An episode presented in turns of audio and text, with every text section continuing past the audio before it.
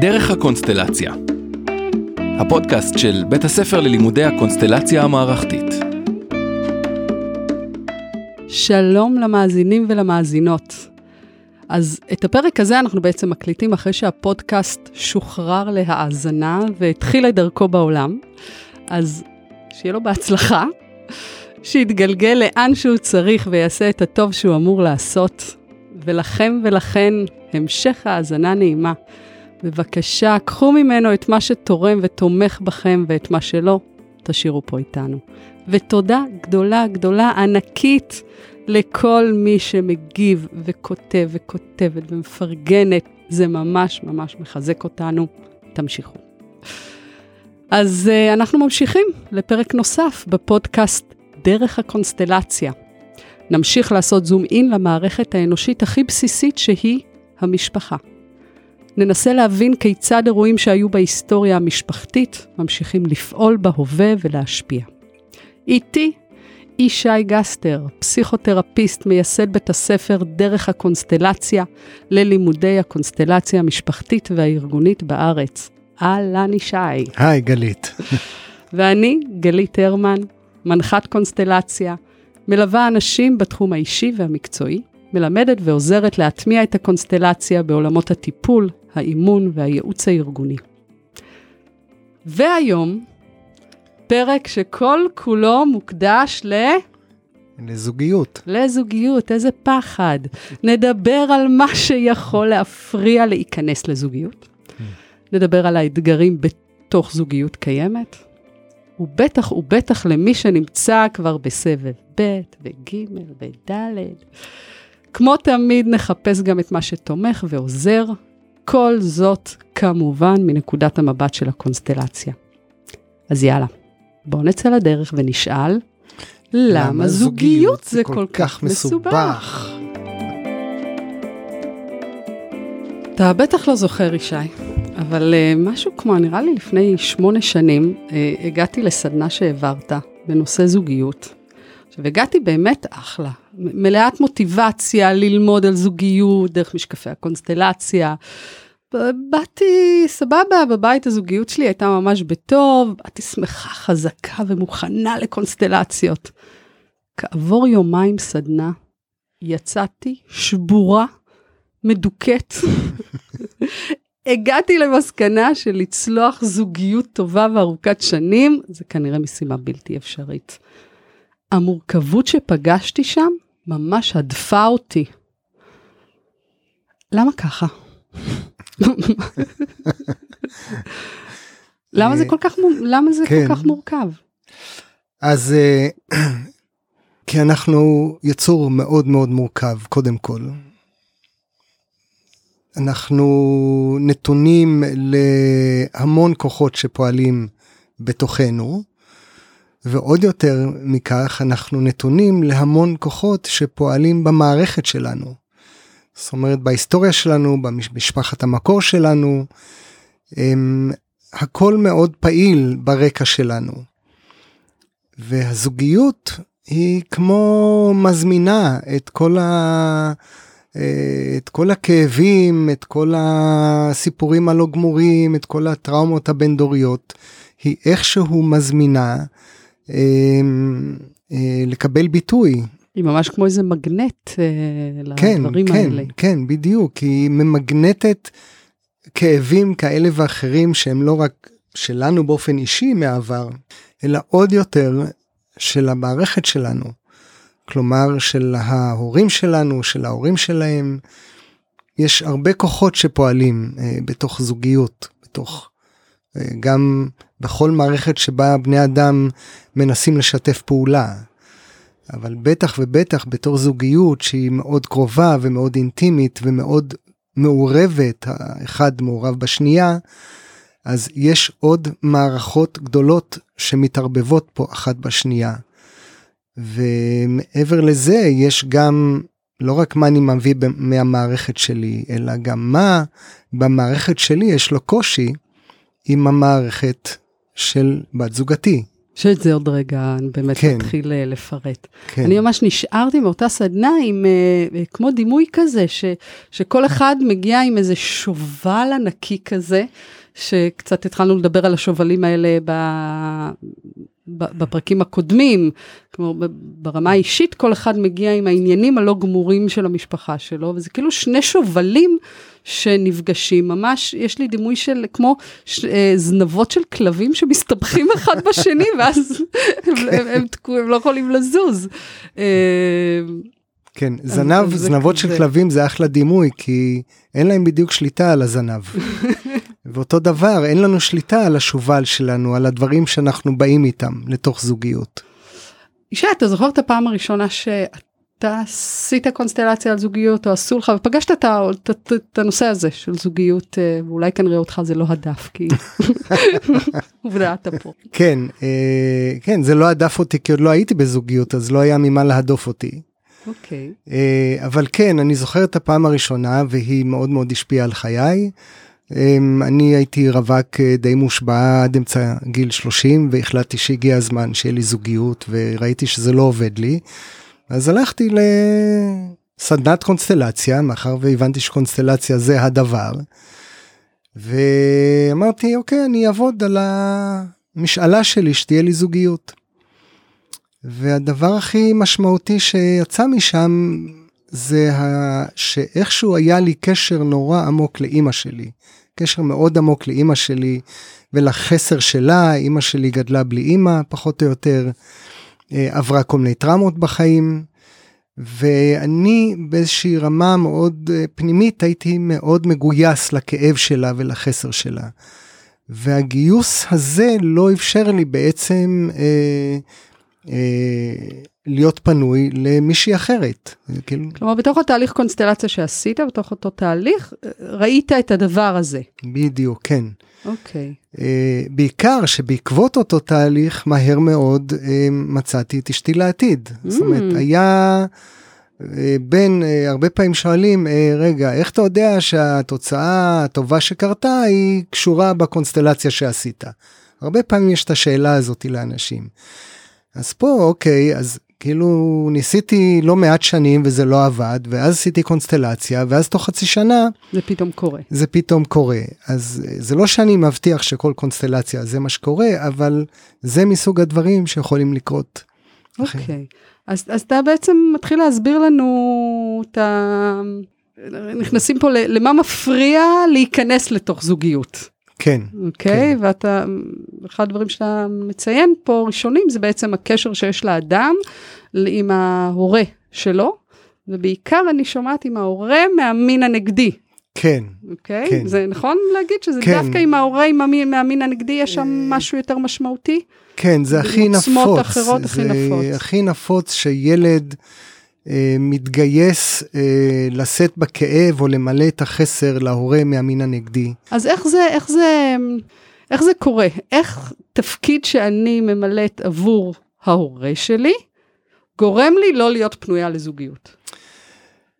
ככל שהתפקיד הוא יותר משמעותי בשביל ההורה, ללה, לי, להיכנס לזוגיות זה אומר אה, לוותר על התפקיד הזה באיזושהי רמה. רמה פנימית מאוד, אבל זה מה שזה אומר. ויש לי נאמנות יותר גדולה למשפחה שלי ולמקום ממנו אני בא. אז אימא שלי או הכאב שמה יהיה הרבה יותר חשוב לי לפתור אותו או לשאת אותו אה, מאשר להתחיל זוגיות חדשה. זה אולי קצת אמ, חורק באוזניים כי אנחנו אומרים אה, אנחנו רוצים לברוח מההורים שלנו ולהתחיל זוגיות חדשה. אבל יש את מה שאנחנו רוצים במודע ויש את מה שקורה בלא מודע. מתחת לפני השטח. ובלא מודע יש לנו התגייסות מאוד עמוקה למען הכאב, כאבים המערכתיים, ובטח ובטח לכאבים של ההורים שלנו. עד כדי כך שההתגייסות הזו גורמת לנו אפילו לא להיכנס לזוגיות, או להיות, תכף נראה, בקשיים בתוך הזוגיות. בדיוק, אה, אנחנו נישאר כל הזמן הילדים של ההורים שלנו. אז נתת פה דוגמה למשהו שמקשה להיכנס אה, לתוך זוגיות. יש עוד דברים? כן, יש הרבה סיבות למה קשה לנו למצוא זוגיות. ובקונסטלציה אנחנו מחפשים מהם הסיבות. הרבה פעמים זה כל מיני סיפורים לא גמורים במערכת שלנו, כל מיני טראומות שאיכשהו אנחנו קשורים שם, קשורים תרתי משמע, והקשר הזה לא מאפשר לנו ליצור קשר אחר. אוקיי. Okay. זה יהיה מאוד מאוד שונה מקשיים בתוך הזוגיות עצמה, בתוך זוגיות שהיא כבר בתנועה? זה יהיה שונה, אה, אה, בוא נגיד, ברמת הקשר הקודם. כלומר, אם לדוגמה, אימא שלי עברה דברים מאוד מאוד קשים ואני מגויס לכאב הזה מאוד, אז יהיה לי קשה להשיג זוגיות. אבל אם זה לא עד כדי כך, זה איזושהי רמה פחותה. זה בעוצמות של הדברים, בדיוק, כלומר בעוצמה כן. מאוד גבוהה זה יפריע אפילו לייצר קשר, בעוצמה פחותה אז פשוט בתוך הקשר עצמו יהיה... בדיוק, בדיוק. יקשה עלינו בתוך התנועה של הזוגיות. אז בוא נדבר באמת על כאילו זוגיות כבר בתנועה. אוקיי. Okay. שנתיים, חמש, עשר, עשרים, בגילנו זה כבר כן. עשרים פלוס אה, ויותר. אתה מטפל כבר עשרים שנה בזוגות? הרבה שנים. יש דברים שחוזרים על עצמם, כלומר, מאז שהתחלת לעבוד בעיקר כמובן עם קונסטלציה, mm. אנחנו פה מהנקודת מבט הזאת, יש דברים שחוזרים על עצמם, שאתה בדרך כלל תיתקל בהם כשמדובר על קשיים בזוגיות, או הדברים הראשונים שהתחשק לך לבדוק. קודם כל אני מיד שואל, השאלה שלי היא לא מה מפריע לי בזוגיות, אלא מה מושך אותי מהזוגיות. אני לא שואל אנשים מה לא טוב לכם ביחד. אני מראש בא עם תפיסה של משהו מושך אותם החוצה. אה, מהזוגיות. אם אני אביא רגע איזשהו ציטוט אה, של ברט הלינגר, ככה ציטוט חופשי, אה, כשהוא דיבר על חתונה אה, או על זוגיות אה, שגם יש לה ילד שהיא כמו חתונה מבחינת התפיסה שלו וגם שלי, אז הוא אומר שלהתחתן זה יוצר כוח מאוד גדול ששומר על שניים להיות ביחד. בשביל שהדבר הזה יתפרק צריך שיהיה איזשהו כוח אחר שפועל על אותו כוח. ואז אנחנו מסתכלים על מהו הכוח האחר שמפריע או מושך החוצה מהזוגיות. ולאו דו, לא דווקא מסתכלים על מה, מה קשה בתוך הזוגיות. זה כאילו, אני חושבת, לב החשיבה של הקונסטלציה, שה, שהבעיה והסיבה לבעיה הם לא מופיעים באותו מקום. בדיוק, הן לא מופיעות באותו מקום. אז אם אנחנו ניקח uh, קשיים uh, בזוגיות, לא יודעת, כמו חוסר תקשורת, uh, חוסר משיכה מינית, uh, חוסר הסכמה שקשור לחינוך לילדים, אז אנחנו בעצם אומרים שהמקור לקשיים האלה הוא בכלל לא בין בני הזוג. כן. אז כל השיח שאתה אומר שאתה בכלל מעניין אותך, הוא לא לחפש ביניהם. מה, מה כל אחד אשם בכך שהקושי הזה קיים, או איך כל אחד באישיות ובדפוסים שלו תורם לבעיה, אלא אתה ממש הולך ומחפש את המקור לקשיים האלה במקום אחר במערכת. כלומר, כן. זה משהו שמושך אותם, שלוקח אותם מהמערכת החוצה, ולאו דווקא מחפש מה קורה ביניהם. בדיוק, בדיוק. אוקיי. Okay. אז גם פה יש את העניין עם היחסים עם ההורה מהמין הנגדי? לגמרי, זה אותו דבר. פה יש עוד תוספות. אה, אה, לדוגמה, כשההורים הם, אה, או אחד ההורים נגד הזוגיות הזאת. כל תופעת החמות למען העניין. האימא שלא מבסוטה מהאישה של הבן שלה, אבל יש גם לא מעט אבות שמסתכלים על ה... בעל של הבת החמודה שלהם, גם כן בעין לא מי יודע מה. אמ, זה בגלל שיש איזו קרבה מיוחדת, שקצת דיברנו עליה קודם, בין הילד וההורה. אמ, וגם הילד מחפש בבן הזוג אה, את ההורה שלו, ואף בן זוג לא באמת יכול לעמוד בסטנדרטים של אימא או של אבא שלי. ברור. אמ, אז גם בן הזוג יכול לחפש את ההורה אצל בת הזוג, וגם באיזושהי דרך ההורים אה, רואים תחרות. אה, מולם והם נגד זה. כלומר, ככל שההורה והילד יותר קרובים, כך הסיכוי אה, למתח עם הבן זוג ילך ויגדל? כן, כן, בהחלט, בהחלט. עכשיו, אה, לתוך זה אפשר גם אה, רגע, לראות... רגע, זה משנה אם ההורה חי או מת? כלומר, אם ההורה מת, אז... אה, אנחנו בקונסטלציה, אצלנו בעדה של הקונסטלציה, אצלנו בעדה, אה, אנחנו לא מפרידים בין החיים והמתים. כלומר, יש לנו תפיסה שהמתים הם נשארים פעילים במערכת באיזושהי דרך. אה, אז גם אם אה, מישהו איבד את אחד ההורים שלו בגיל מוקדם, עדיין יש איזושהי אינטראקציה אל מול אותו הורה או אותו צד של המשפחה. זה כמו קשר עם, ה... עם האין. כן. קשר עם החוסר. זה גם קשר עם החוסר, ו- וגם אה, אנחנו מתייחסים ל... אה, נגיד לתרבויות, כאילו אם אני בא מתרבות אחת ובת זוגתי באה מתרבות אחרת. והתרבויות האלה כתרבויות הן לא רואות איזה עין בעין לגבי דברים. אז זה יתבטא גם בזוגיות שלנו. אם זה תרבות או אם זה מעמד אה, חברתי, אה, סוציו-אקונומי, אה, דת, דתות שונות, אם אנחנו באים מדתות שונות, אז כל הדברים האלה הם נכנסים לתוך הזוגיות ויכולים ליצור שם כל מיני מתחים. אוקיי. Okay. איך בעצם ייראה קשר עם הורה, שאנחנו מבינים שזה לא, שסביר להניח שקשר הזה עשוי לערום קשיים על הזוגיות שלי. רגע, אני אגיד בקצוות זה די ברור, אוקיי? אם אני בנתק מההורים שלי, אני לא מדברת איתם, אני כועסת עליהם 20 שנה, או לצד השני, שאולי נבין אותו, הקצוות זה ברור.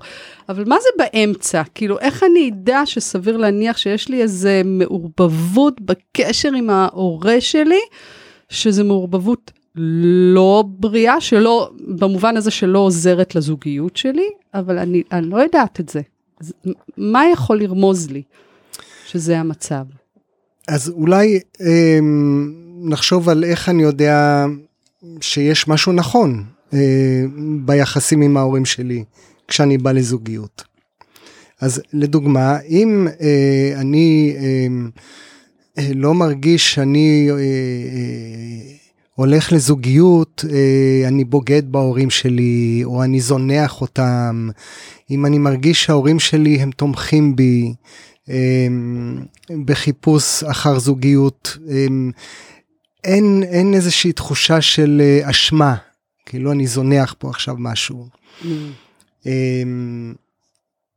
גם כן יהיה... גם אם אני נשואה 20 שנה, יכול להיות שאני עדיין ארגיש אשמה שאני זונחת? או שאתה כן. מדבר רק על הקטע הזה של תחילת הזוגיות? לא, זה כל הזמן שם. גם, הרי בזוגיות, גם יש לנו כל מיני מחזורים. נולדים ילדים, הילדים מתבגרים. נכון. כל מחזור כזה הוא פתח לעוד סיפורים שייכנסו. כשהילדים יוצאים מהבית אז זה מקום חדש אז אתה ו... היה לך איזה רגע כזה שהרגשת אה, מערכת יחסים שלך עם ההורים שלך בריאה כאילו היה איזה רגע כזה ש... כן בטח. מה זה רגע כזה שאתה זוכר זה אותו? זה רגע שאני זוכר אותו טוב מאוד כן. מה? אני חייתי בלונדון ופעם בשבוע שבועיים הייתי מתקשר הביתה ההורים שלי היו מרימים טלפונים בשני חדרים שונים ומקשיבים. רוב השנים, כל השיחה הייתה עם אימא שלי, ובסוף הייתה אומרת, אבא גם האזין לכל השיחה, אה, אולי אתה רוצה להגיד לו כמה מילים עכשיו. זה בדרך כלל. ככה זה היה, כן. כלומר, אימא תופסת יותר מקום, ואבא כן. מקבל שאריות. זה לא רק תופסת מקום, גם עם אימא היה תחושה שיש לנו את השפה, שאנחנו mm. מדברים, יש להם אותם עניינים. הייתה קרבה כזאת, היא מאוד, אה, מאוד נעימה עם אימא שלי. ואבא קצת היה בחוץ. ואז הוא היה מסיים, הוא אומר, טוב, הקשבתי לכל השיחה ביניכם, נראה שהכל טוב, תודה כיף רבה. לשמוע אותך, וככה זה היה נגמר. אני בינתיים התחלתי טיפול וקונסטלציה והתחלתי להבין שמשהו בקשר המסוים הזה, אפרופו הקשר בין הילד וההורה מהמין השני, צריך לעשות שם משהו. אמ, ו, ויום אחד, וזה קרה ביום אחד, איכשהו, לאו דווקא שתכננתי את זה, כל השיחה הייתה עם אבא שלי. ובסוף הוא אמר, רגע, גם אמא פה, אולי אתה רוצה להגיד לה משהו. וואי, ממש הפוך. כן, באופן חד משמעי. ומאז ככה זה היה. זאת אומרת, אחרי זה הרבה שנים, רוב השיחה הייתה עם אבא שלי, ובסוף הוא היה אומר, בוא תגיד גם משהו לאימא, היא איתנו, היא מאזינה. אמ, אז זה היה שינוי מאוד דרמטי מבחינתי, וגם ההבנה שעכשיו אני ביחסים יותר טובים עם המגדר שלי, שאומר גם עם עצמי כגבר, עם עצמי כאבא אה, וכל זה, כן.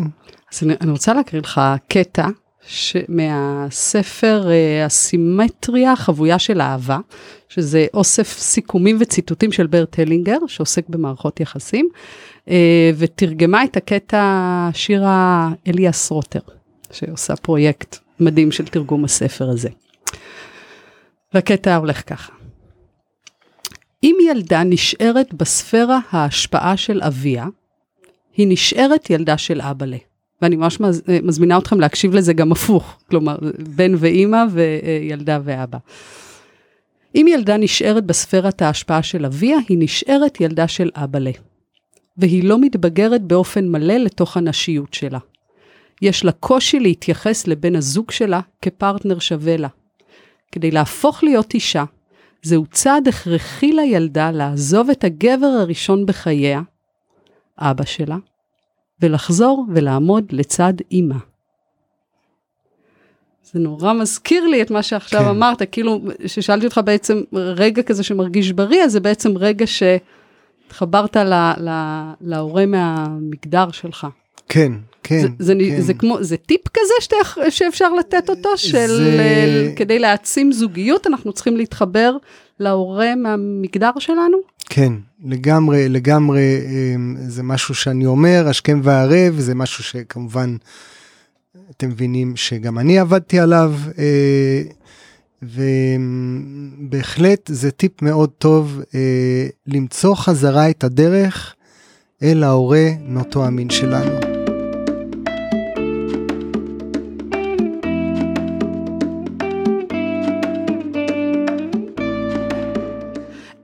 בוא נמשיך במה עוד אה, ככה נכנס לנו אה, בתוך הזוגיות וקצת אה, משבש אותה ומפריע לה.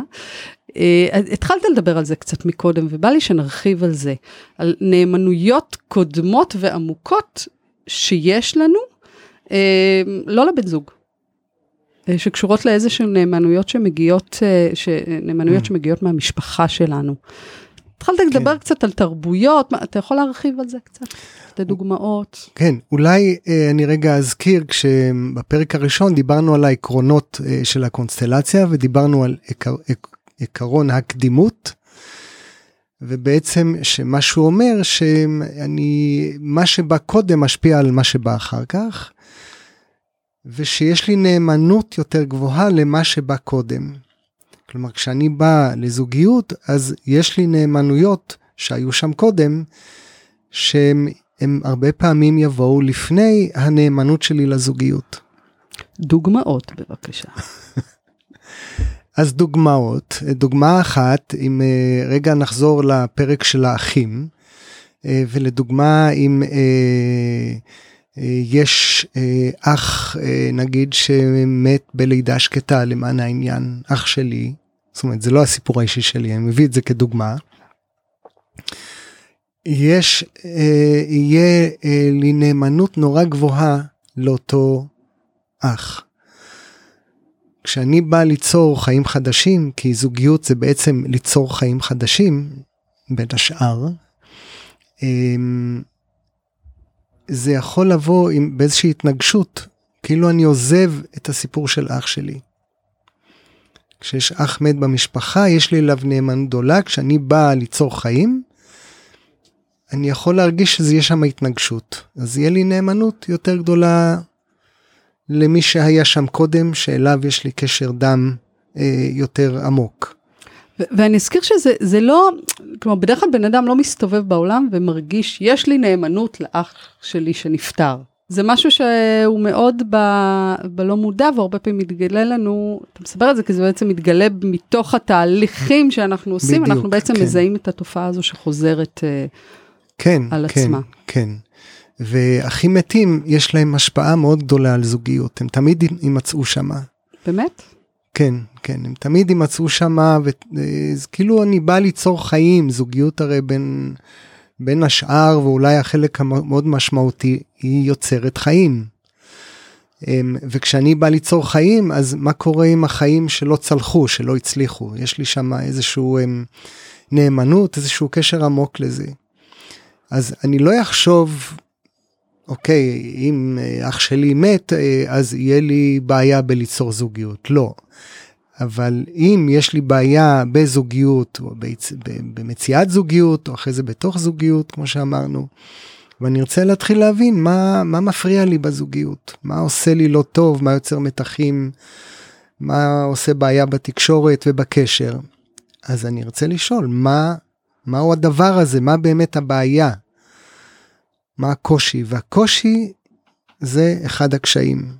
אז זה, זה, בפרק על האחים גם דיברנו על הנושא של אה, הפלות. נכון. אז אנחנו לא נרחיב את זה עוד פעם, אבל, רי, אה, אבל חשוב לי להבין אם גם פה אה, זה, זה משהו שאתה מוצא אותו הרבה. כן. שבגלל הפלה של ההורה שלי, זה יקשה באיזשהו אופן על מציאת זוגיות או בתוך זוגיות. כן, כן, בהחלט. אתה יכול להסביר איך זה קורה? איך זה... קודם כל זה מתגלה, זה מתגלה כשיש בעיה בזוגיות, ואז מסתבר שלאמא הייתה הפלה, ואז שמים ייצוג או נציג להפלה, ואז רואים שהבן הזוג, שאותו הפלה היא אח או אחות שלו, לשם הוא הולך. וזה, והוא, יש לו נאמנות יותר גבוהה לשם, מאשר לזוגיות החדשה. ואז זה אומר שהסיפור הזה... מזכיר מה שאמרת קודם, על איזה כוח שמושך בדיוק. החוצה מה... כן, כן, בדיוק. המערכת הזוגית. אז כל הזמן מחפשים את הכוחות האלה, וזה אחד מהם, מישהו שאני נאמן לו. באופן לא מודע. באופן לא מודע, אה, במשפחת המקור שלי. אז זה עם האחים. אז זה יכול להיות נאמנות למישהו מסוים, כמו מישהו שהפלה, מישהו שנפטר, הורה מהמין השני, זה יכול להיות גם נאמנות כמו לתרבות, לשבט, כזה? כן, כן. זאת אומרת, אם אני, אה, אה, כשבן ובת הזוג באים מתרבויות שונות, יש להם נאמנות לתרבות הזאת. גם אם אנחנו לא חושבים שיש נאמנות, גם אם נראה לנו שאנחנו כבר מעבר לזה, כאילו אני כבר די, ההורים שלי, אני דור חמישי בארץ, או לא יודע, רביעי, חמישי בארץ מאירופה, ובת הזוג שלי דור רביעי, חמישי בארץ שהם באו מצפון אפריקה, ודי, כבר אנחנו ישראלים.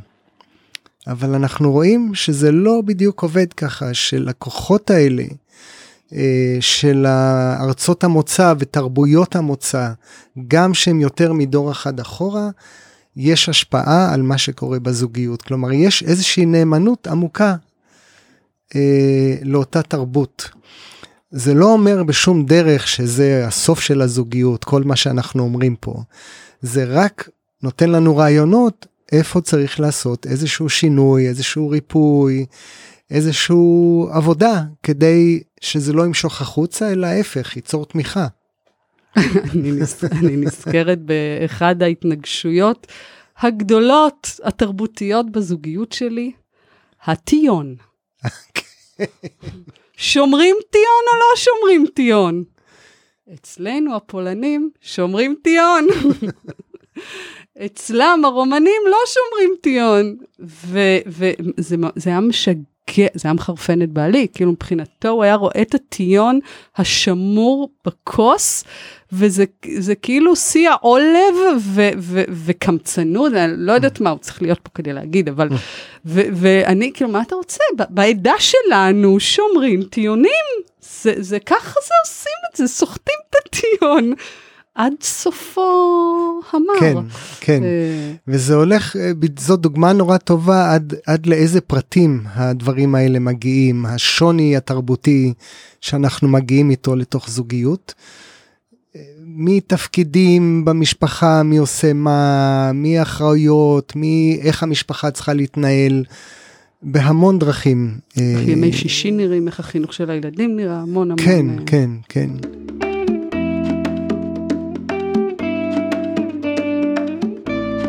אוקיי, אז מה, מה עוד? תן לי עוד ברשימה, איזה, איזה עוד דבר יכול להיות כמו איזה מוקש בזוגיות ושכדאי לי אוקיי, בואו ננסה. לדעת כאילו, אותו, להבין אותו, להכיר אותו. כלומר, אה, דיברנו ככל- על הורה, מ- הקשר עם הורה, במיוחד עם- מהמין השני. אה, דיברנו על נאמנויות שיש לנו למשפחה שלנו אה, ולתרבות שלנו. ואני שואלת מה עוד? בואו נדבר על יחסים קודמים. או-או, אבל נתחיל, כדי שיהיה קל, ביחסים קודמים של הורינו. אוקיי. אוקיי? בוא נתרחק light. ולאט לאט נתחיל light. ולאט לאט נתקרב. אז דבר ראשון, אנחנו רואים שכאשר להורים הי, הייתה איזושהי זוגיות, עם חתונה או בלי חתונה, אני רוצה להזכיר שזוגיות משמעותית זה אחת שאו שהיה שם הריון, או שהייתה לאורך תקופה משמעותית, או שהתחתנו. אבל גם אם, אם נלך אחורה לתקופות המלחמות למיניהם, ו... שגם אם היה בה איזה טראומה מסוימת, בדיוק, אם היה טראומה. ביניהם. או שחיברה או שהפרידה, או טראומה שהפרידה, שהפרידה. או שהייתה טראומה- שם מסביב. בדיוק, כן. אוקיי.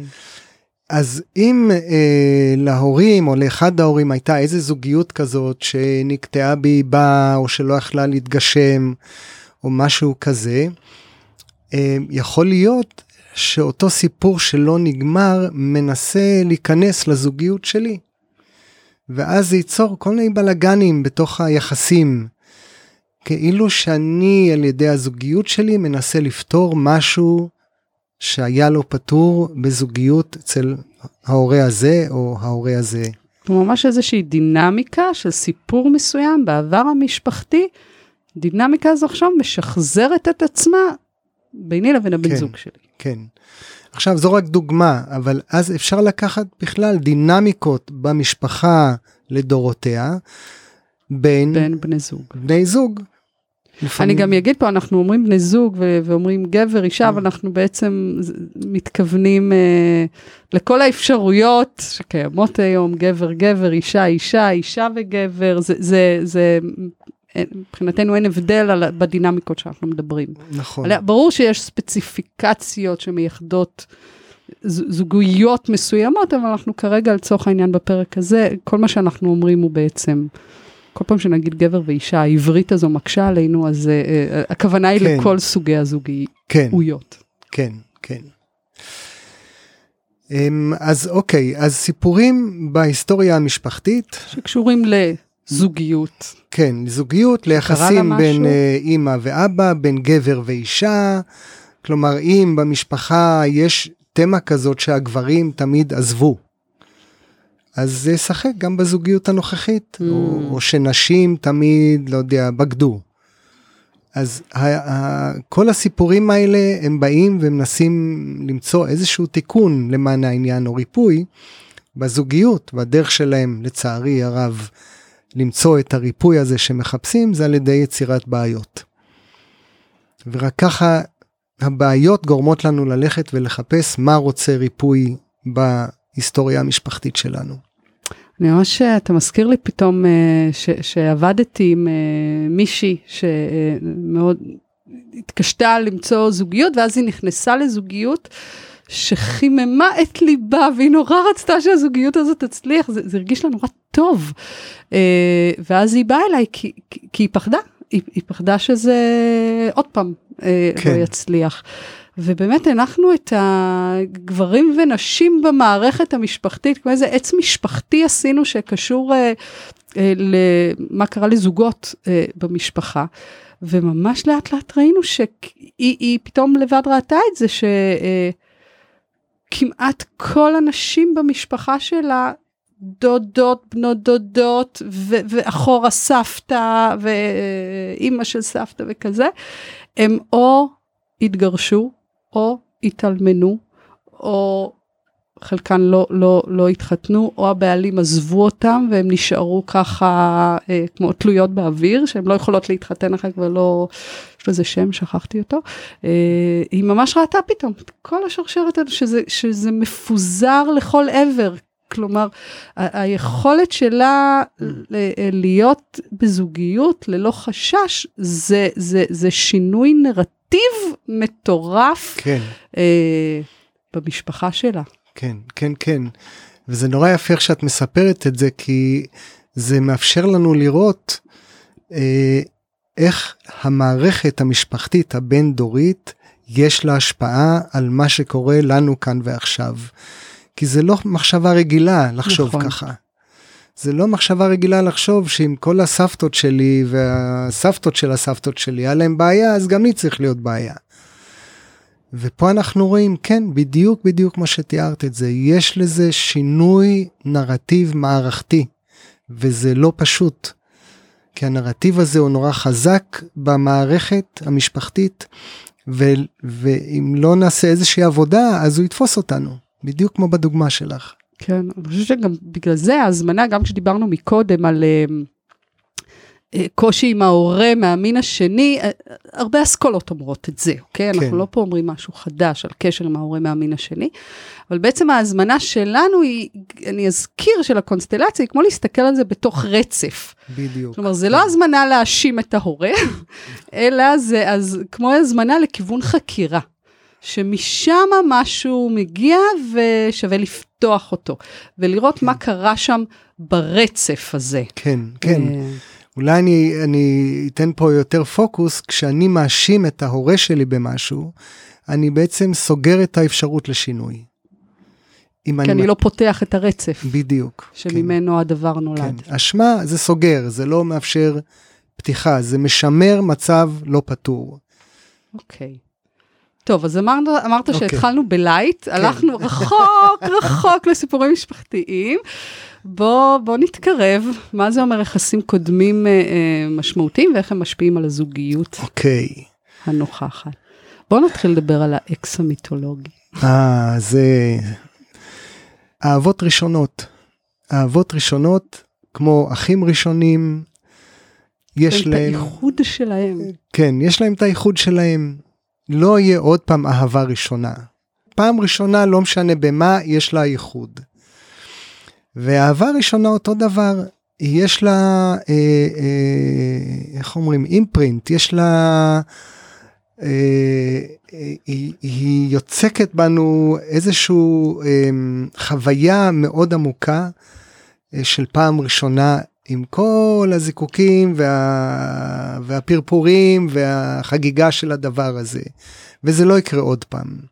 ולכן אה, זו חוויה שהיא שמורה אה, בתוכנו. והרבה פעמים אנחנו משווים את החוויות שיבואו אחר כך, רגע, זה כמו מה שהיה או לא כמו שהיה. אוקיי, עד עכשיו זה נשמע הגיוני. כן, אבל מתי זה יפריע? אוקיי. מתי, אוקיי, יש לי אקס מיתולוגי, שמורה לו פינה בלב שלי, וזה הכל בסדר, ואני מגיעה לזוגיות חדשה, ויש לה מלא מקום, ומתי זה עשוי להפריע? מתי זה עובר לשלב אוקיי. של מה שהיה קודם, בעצם יכול להפריע למה שנמצא עכשיו?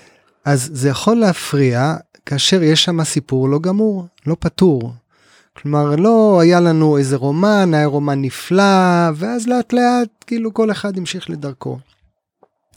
קרה משהו, ואני חוזר לרעיון של יחסים משמעותיים. זה היה יחסים לאורך תקופה ארוכה, ו- הריון? היה שם הריון, מה שהרבה פעמים יש ביחסים מאוד מוקדמים, יש הפלה. כי זה לא מתאים. וההפלה הזאת היא יוצרת קשר נורא עמוק עם בין בני הזוג, למרות שהיא גם זאת שאולי תפריד ביניהם. אמ, ואז הסיפור הזה הוא נשאר פתוח ולא פתור. אמ, זה ולמ- נורא, רגע, אני אגיד, נורא כן. מסקרן מה שאמרת, אבל אנחנו נגיע לזה אחר כך, כדי לא, לא להתבלבל. כן. כאילו, על, על, אמרת שההפלה היא גם זאת שיכולה להפריד ביניהם. אני מסמנת את זה, אוקיי, ותכף כן, נגיע יופי, לזה. אוקיי. לא יוותר לך. כן. אוקיי. אז... אה, אז יחסים משמעותיים הם קשורים לזמן, כן. אם היה הריון, אה, ואם היה שם משהו שקשור לאיזושהי טראומה בינם, סביבם, כן, כן, בקשר לזה. כן, ואז לדבר, ליחסים האלה יש רצון להגיע לאיזושהי השלמה, לאיזשהו פתרון. והדרך היחידה שלהם לעשות את זה, זה להגיע, לעבור ליחסים הבאים, ולהשפיע עליהם, ו, ולדאוג שנשים לב למה שקרה אז ושהוא לא פתור. טוב, אני ישר נזכרת, כן. וזה היה בקורס הראשון, בקורס שבעצם, שלמדתי אצלך את הקונסטלציה. וואו, זה מה זה, עשר שנים, כמה זמן? long time ago. long time ago, ו- ובדיוק בתקופה הזו שהקורס היה, אני פתאום התחלתי לחלום על האקס המיתולוגי שלי. ובסדר, חלום אחד, אחרי שבוע עוד חלום, תקופה שאני כל, כל הזמן מגיעה בחלומות ואני לא מבינה מה העניין. אה, אני אוהבת להקשיב לחלומות שלי, ואז באחד המפגשים בקורס אה, ביקשתי לעשות קונסטלציה, להבין למה אני, למה אני חולמת עליו. כלומר, כן, זה לא הגיע מתוך איזה בעיה שהייתה בזוגיות, אלא פשוט התופעה הזו או, אה, קרתה וניסיתי להבין למה, מה, מה יש שם, כי זה הרגיש לי כמו משהו שאין לי איתו איזה עניין לא פתור. אה, ו- ו- והתחלת לשאול אותי, והתחלנו לבדוק יחד עם הקבוצה גם, רגע, זה, היה המון המון זמן, זה היה שנה, זה היה זמן משמעותי, אבל לא שמונה שנים. שאלת, היה הריון? ואמרתי, לא. אמרת, רגע, הבדלי תרבויות, ו... ל- כן, הוא מרוקאי, אני אשכנזייה, אבל לא, אמא שלי אהבה אותו, אחותו הייתה חברה שלי, כאילו לא הרגיש שיש שם איזה עניין. וכשבעצם פתחנו את הקונסטלציה, היא, היא לקחה בעצם בקשה לאיזושהי הכרה מאוד משמעותית בטראומה שהייתה באמת סביבנו. כלומר, היחסים שלנו, הדייט הראשון שלנו היה שלושה ימים לפני שהייתה איזו טרגדיה מאוד גדולה בבית שלי, והגיס שלי אה, אה, נפטר, ו, ובעצם הדייט השני שלנו היה כשהוא כבר מגיע לשבעה. כן. ואני נכנסתי אז לתקופה של איזה שנה מאוד מאוד קשה אה, בחיים שלי, שהוא בעצם מלווה אותי שם. כלומר, מצד אחד בבית אני באיזה טראומה מטורפת, מצד שני הוא נוכח, ומבחינתי זה מה שהבנתי בקונסטלציה, הוא כמו הציל אותי בתקופה הזאת, כמו היה איזה אור אה, בתוך אה, תקופה מאוד מאוד אה, שחורה. וממש הקונסטלציה, כמו איזו הזמנה להגיד תודה, כן. על, על, על, על, על מה שזה היה, וזה היה לי נורא מיוחד, כי זה באמת לא קונסטלציה שבאה להגיד יש פה בעיה, אלא באה לתת הכרה משמעותית אה, למשהו שהיה קודם ו, ותמך. אה, ואפילו בעקבות הקונסטלציה, אה, אה, הזמנתי אותו לקפה ונפגשנו אחרי המון המון שנים, ואמרתי לו את התודה הזו גם אה, פנים מול פנים. כן, אה, מאוד מרגש, מאוד מאוד מרגש. כן. אמ, להיפגש עם העבר ולסגור שם משהו שפתאום מרגיש שנכון לסגור זה, אה, זה דבר אה, גם אמיץ, אה, אני חייב להגיד, לא כל אחד מאיתנו היה מעז לעשות את זה, וגם מאוד חשוב, מאוד מאוד חשוב לנו ולזוגיות שלנו, שהיא לא קשורה באותה זוגיות קודמת. זה יכול להרגיש מאוד מאיים על הזוגיות העכשווית, אבל עם זאת זה בעצם מאוד תומך בזוגיות העכש- העכשווית, כי זה סוגר איזה משהו שנשאר, אה, כן. אה, אבל זו דוגמה טובה לאיך זוגיות היא משמעותית. כן. אז לא ואנחנו היה... לא מבינים שהיא משמעותית. בדיוק, היא לא נראית לנו משמעותית, מה כבר היה שם? כן. זה הרבה כן. פעמים קורה בקונסטלציה, אנחנו לא חושבים שמה, אנחנו שואלים את האנשים על איזה אירוע מסוים, אומרים, לא, אבל זה לא היה חשוב. היה לך, כן. היה לך עוד בת זוג, היה לך עוד אישה לפני, כן, אבל כלום, היינו נשואים שנה, ולא, זה חסר משמעות. ואז פתאום בקונסטלציה אנחנו מזהים חושילינג, משמעות כן. ש, שמגיעה ומחכה להכרה. כן, כן, בוא- כל הרעיון שאנחנו אה, מכניסים אה, סיפורים בהיסטוריה שלנו לתוך מגירת החסרי משמעות, אותנו מנחי הקונסטלציה זה מיד מצית. כל מה שאומרים לנו, לא, זה לא קשור, יש שער. כן. אנחנו מתנפלים על זה. אה, אוקיי, אז, אז, אז דיברנו על אקס מיתולוגי, אה, שזה בעצם, אה, אקס מיתולוגי זה ביטוי למשהו טוב שהיה, חיובי בדרך כלל. ובואו נתקרב לדברים העוד יותר מסובכים. לא יודעת מה איתך, אבל סביבי חצי מהחברים אה, כבר בסבב ב'. אוקיי. אה, לא בטוחה שהם יקראו לזה אקס מיתולוגי, אה, יש שם הרבה כן, כאב, שוב, כן. וזה עדיין מורכבות מטורפת, זה אבא של הילדים עדיין, ו- ועדיין נמצאים בשותפות, אפרופו שותפויות. מה אנחנו... בוא נעזור להם. כאילו, מה, מה אפשר לעשות שם, או כדאי לעשות שהוא יקל על הסיבוך הזה של אה, פרק כן. ב', ג', ד', ה', אז, ו'. אמ, אז בוא נתחיל ככה, אה, כמו בכל מה שאמרנו עד עכשיו, הדברים הלא פתורים מהעבר, כדי שהם לא יעיקו עלינו בהווה ובעתידנו, אנחנו צריכים לעשות שם איזושהי סגירה, בדיוק כמו הסיפור שסיפרת עכשיו על האקס המיתולוגי. הקושי זה כשהבן אדם שאיתו אנחנו רוצים לעשות את הסגירה ומציאה של מקום חדש ביחסים, הוא עדיין קיים, ויש שם כאבים וכעסים למכביר, אז לך תעשה שם סגירה. אמ, ורק רצינו לברוח מזה. אמ, עכשיו, קודם כל אנחנו יודעים, כמו שסיפרנו עד עכשיו, שמשהו לא סגור מפריע לדבר הבא שיקרה. אבל לפעמים, כדי שאפשר יהיה לסגור משהו, צריך שיעבור זמן, אי אפשר מיד לסגור, כי כרגע כל הפצעים פתוחים והעליהום וה, והכעס והכאב משתלט. אז המטרה שלנו היא קודם כל לנסות לראות מה רוצה להיסגר שם, להיסגר מבחינת להשלים, למצוא איזשהו ריפוי עם היחסים הקודמים. מה שזה לא אומר, ככל שאנחנו מוצאים ריפוי עם יחסים קודמים, זה תומך ביחסים הבאים. אוקיי, okay. מה חשוב אבל, עוד פעם אני קצת נודניקית בעניינים האלה, כאילו מה פה קונסטלציה, אוקיי? Okay? כי, כי פה מה שאתה אומר עכשיו זה, זה, זה נגיד ברור בהמון אסכולות. כן. מה פה, אה, זאת אומרת, מה פה הקונסטלציה מוסיפה לדבר הזה? כלומר, יש פה איזו מערכת שהיא כן. לא רק כבר אותה אישה והבן זוג הקודם, זה כבר יש את הבת זוג שלו, האישה הקודמת שלו וה, והבעל לשעבר שלה. כן. הם זה... שניהם נכנסים למיטה עם ארבעה אנשים במיטה הרי. לפחות, לפחות. לפחות. כן. כן, אז עוד פעם, בדרך כלל הרצון שלנו הוא, אם ניקח את הדימוי של ארבעה אנשים, זה תודה רבה לשני המיותרים, תשאירו אותנו לבד, לא צריכים אתכם. אבל אין מה לעשות, ואנשים יודעים שבכל מיני רמות זה לא בדיוק עובד ככה. אז, אז יהיה טוב, אה, רגע אני אגיד עוד משהו שהוא נורא חשוב, מה שמצאנו בקונסטלציה, שיש נאמנות מגדרית. כלומר, באיזושהי רמה יש נאמנות, אם ניקח לדוגמה אישה שהייתה נשואה לגבר אחד, נפרדה ועברה לגבר אחר, יש איזושהי נאמנות בין הגברים האלה, אפילו שהם לא מכירים אחד את השני. וואו. כן.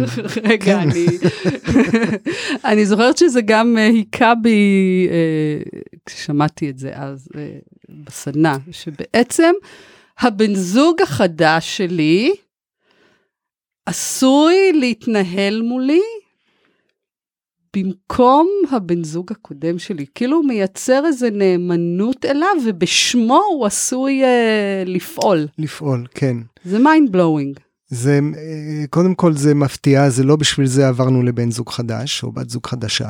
נכון. לא להיפגש עוד פעם. הקודם יתנקם בדרך החדש, לא? כן.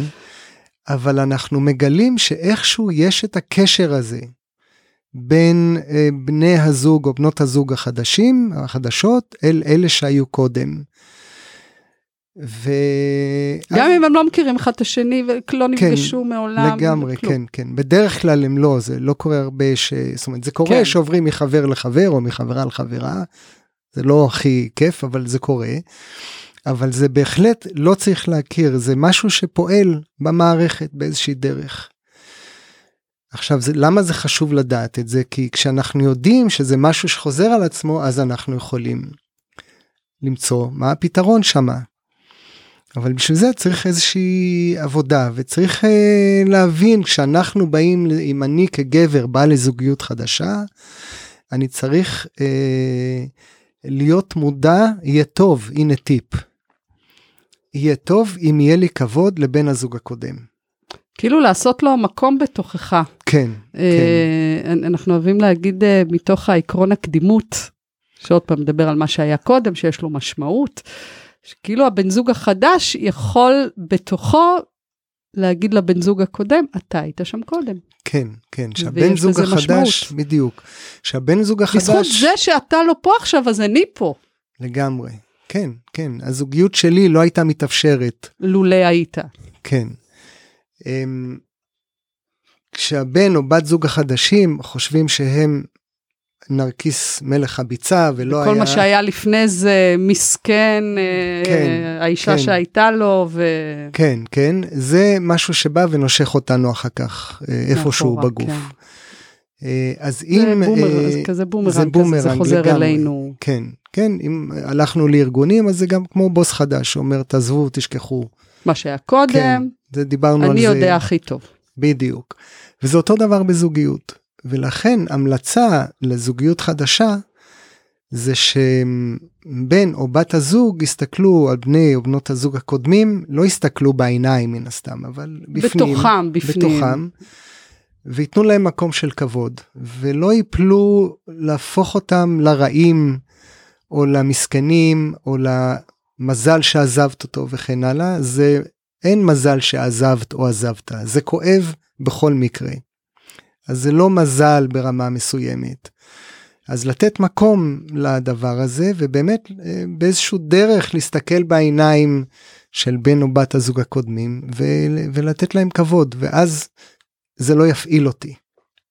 כן זה בכלל משהו שחוזר על עצמו הרבה בקונסטלציה כשאנחנו מצליחים לפנות מקום למה שהיה קודם. כן. אירועים שהיו קודם אנשים שהיו קודם. אה, כן כן זה לא טבעי לא, זה קשה. זה לא טבעי, אנשים רוצים לזוז הלאה. הם לא רוצים uh, להסתכל אחורה. כאילו גם החיים רוצים לזוז הלאה. אבל אין מה לעשות, תמיד כשאתה עושה צעד קדימה.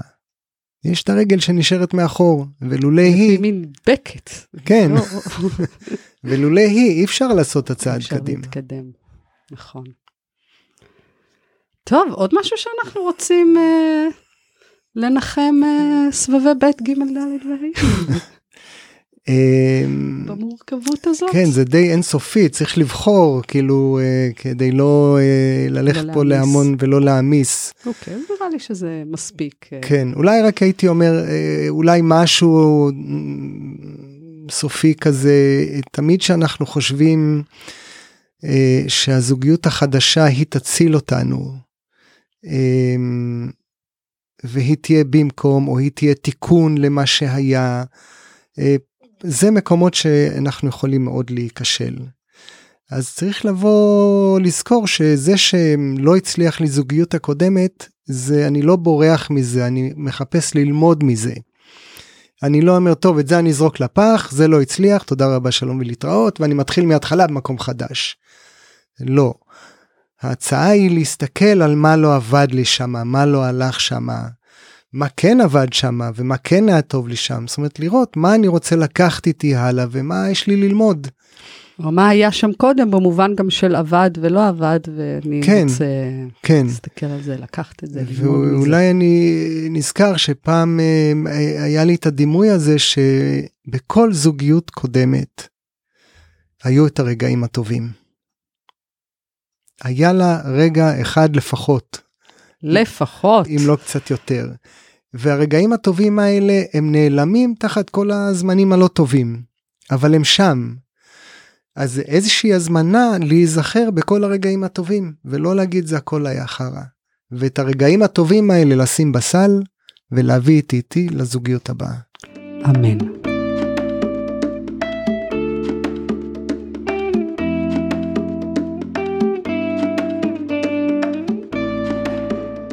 רוצה עכשיו להביא את מה שאז מקודם התחלת להגיד, והבטחתי שאני בפינצטה לוקחת את זה, כי, כי זה נורא מעניין.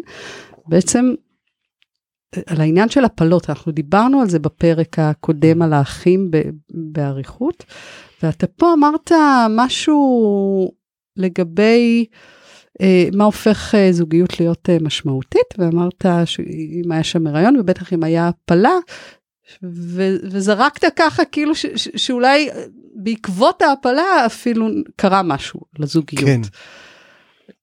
זה, אתה רוצה רגע להעיר את כן, זה באלף? כן. אה, כלומר, על המשמעות של הפלה שזוג עובר, וכמובן, עוד פעם אני מזכירה, אין פה בכדי להגיד שהפלה זה בסדר או לא בסדר, אנחנו רגע רוצים לה, להצביע על תופעה. כן. שאנחנו רואים אותה בקונסטלציה. אז אמ, הפלה אה, בתפיסה הקונסטלטיבית או בתפיסה של מה יכול לעזור אה, לריפוי זה דבר שצריך תהליך זה אירוע שדורש תהליך ש... של עיבוד נקרא לזה. עכשיו אם אה, אה, הריון הוא בעצם אה, משהו שמחבר בין הגבר והאישה, או בין זה שהכניס להיריון וזאת שנכנסה להיריון. זה יוצר חיבור... כלומר, פיזית יש חיבור בין הזרע שלו לביצית שלה. כן. כלומר, יש פה חיבור פיזי. כן, ו... וזה חיבור הרבה יותר עמוק מרק פיזי, כן. מבחינת התפיסה שלנו. עכשיו, כאשר אה, יש הפלה, אז בעצם הדבר הזה שנוצר מתוך החיבור העמוק הזה, הוא פל, או, ואז זה סוג של אובדן, ומשהו שחיבר מאוד יצא. ואז מה נותר? נותר חוסר חיבור. כלומר, יש משהו בחוויה של ההפלה שמוציא משהו שחיבר בינינו מתוך, מתוך היחסים. הזוגיות. בדיוק. ואז החוסר הזה נמצא בינינו. והחוסר הזה יכול לאט לאט להרחיק אותנו ולהרחיק אותנו ולהרחיק אותנו ואפילו נחשוב מה זה היה כבר היה איזה רגע שם אצל איזה רופא ו... כלומר אתה אומר שזה קורה גם אם, אם אה, הפלה נעשתה מבחירה מ, מהחלטה משותפת כלומר גם אם okay. לא אוקיי. היה חוויה קשה תוך כדי. כן. כלומר עצם הדבר הזה שמשהו שחיבר יצא מהמערכת הזוגית שלנו משאיר איזשהו חוסר שעשוי להשפיע, להשפיע על, על לייצר איזה שהם אדוות. כן. הוא לא עשוי, מה, אתה, כן. אתה ממש בודק, כלומר כשמגיע לך זוג עם איזה קשיים, אתה כן, ממש תבדוק כל, ממתי אה, הקשיים והאם הייתה שם הפלה? כן, קודם okay. כל אוקיי. אני אגיד הוא לא עשוי, הוא בטוח ייצור קושי. אה, ולכן אני גם בודק, כי הפלה בתפיסה הקונסטלטיבית זה טראומה שקרתה בתוך הזוגיות. ואנחנו מתייחסים אליה כטראומה. לא משנה אם החוויה הרגשית של מי שעובר את זה היא לא טראומטית. לא, לא, okay. אוקיי. יכולה להיות משהו, איזה אירוע שקרה. Um, והשיטה שלנו זה לעשות עם זה תהליך, לתת לזה חזרה מקום, לראות מה, מה קרה ביחסים הלא מודעים בעקבות הדבר הזה, בעקבות האירוע הזה. וליצור מתוך החוסר הזה איזשהו חיבור שהוא יותר עמוק. וזה אפשרי עם הקונסטלציה לעשות. אוקיי, okay. זה ממש עוד פעם עולם ההפלות ש, שהקונסטלציה נותנת לו המון אה, מקום, כי, כי ברוב רוב הזמן יש איזה פער בין אה, ש, שההפלה היא... אה, יש לה הרבה יותר משמעות אנרגטית נקרא כן. לזה אה, מהחוויה שלה. כן. כלומר, גם כשהחוויה היא בסדר, ש, שעושים את זה, יש שם איזו משמעות מאוד גדולה שהיא לא תמיד מובנת. אה, היא מוזרה, בוא נגיד, היא וזה מוזרה, לא, זה לא עובד טוב עם... עם אה, התפיסה שלנו לגבי האחריות על הגוף שלנו וה, והבחירה החופשית וכן הלאה. אז הכל טוב ויפה, אה, אה, רק כשבאים לשאול מה גורם לקושי או מה גורם לכאב או לחוסר תקשורת או לפרידה או לדיכאון אה, או לאיזה מחלה פיזיולוגית, מתחילים לחפש ואנחנו מגלים שלהפלות לא פעם יש חלק בלתי, איך אומרים? חלק נכבד. חלק נכבד, כן, חלק נכבד בסיפור שמאחורי זה. אוקיי. אחרי זה נעבור לאיזה משהו קליל. אחרי זה יש מסיבה.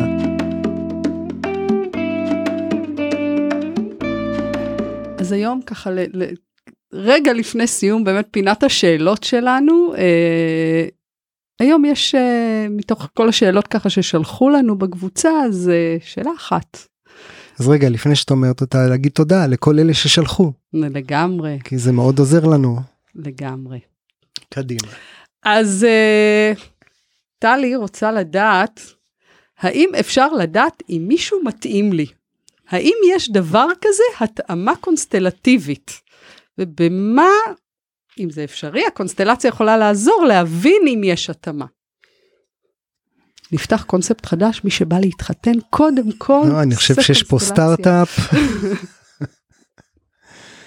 רציני. אה, לא שאני יודע.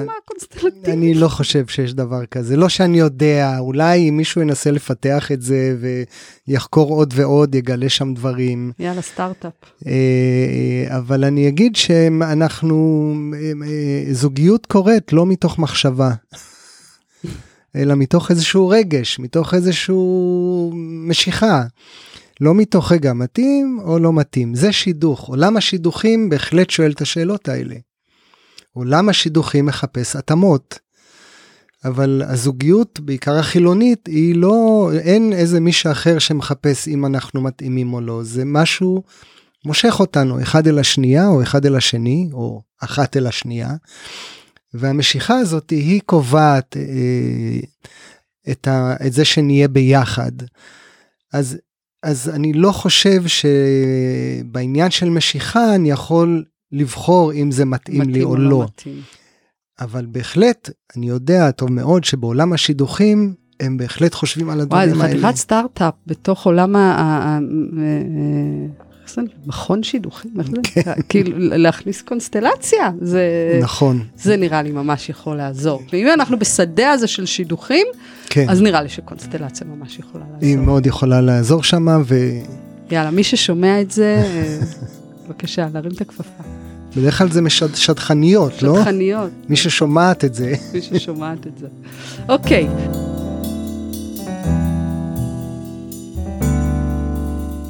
אה, טוב, נראה לי שאנחנו ממש כבר מסיימים. משהו עוד קטן להגיד? קצת אופטימי אחרי כל המוקשים שפיזרנו פה? כן, אמ, אה, כן, קודם כל גם להגיד שזוגיות זה אה, דבר שהוא ממלא אה, בצורה שאין הרבה דברים שיכולים למלא אותנו. אני מסכימה.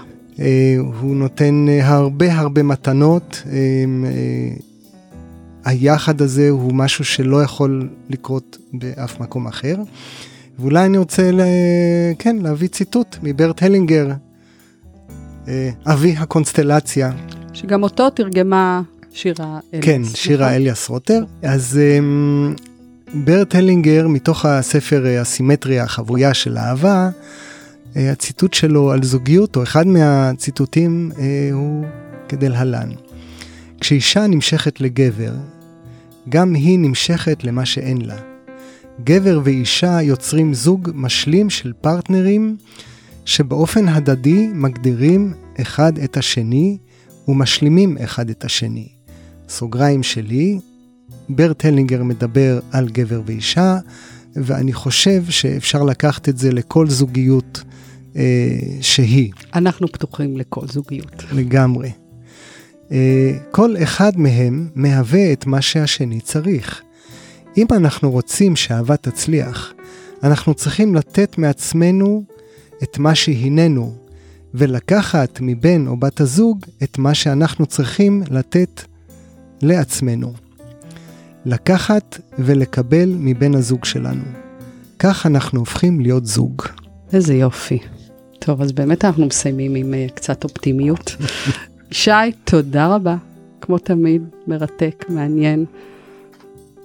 אה, כן, וגם ממני, גלית, זה גם מרתק, זה גם מעניין, וזה גם מאתגר אותי כל פעם אה, מחדש. מחדש.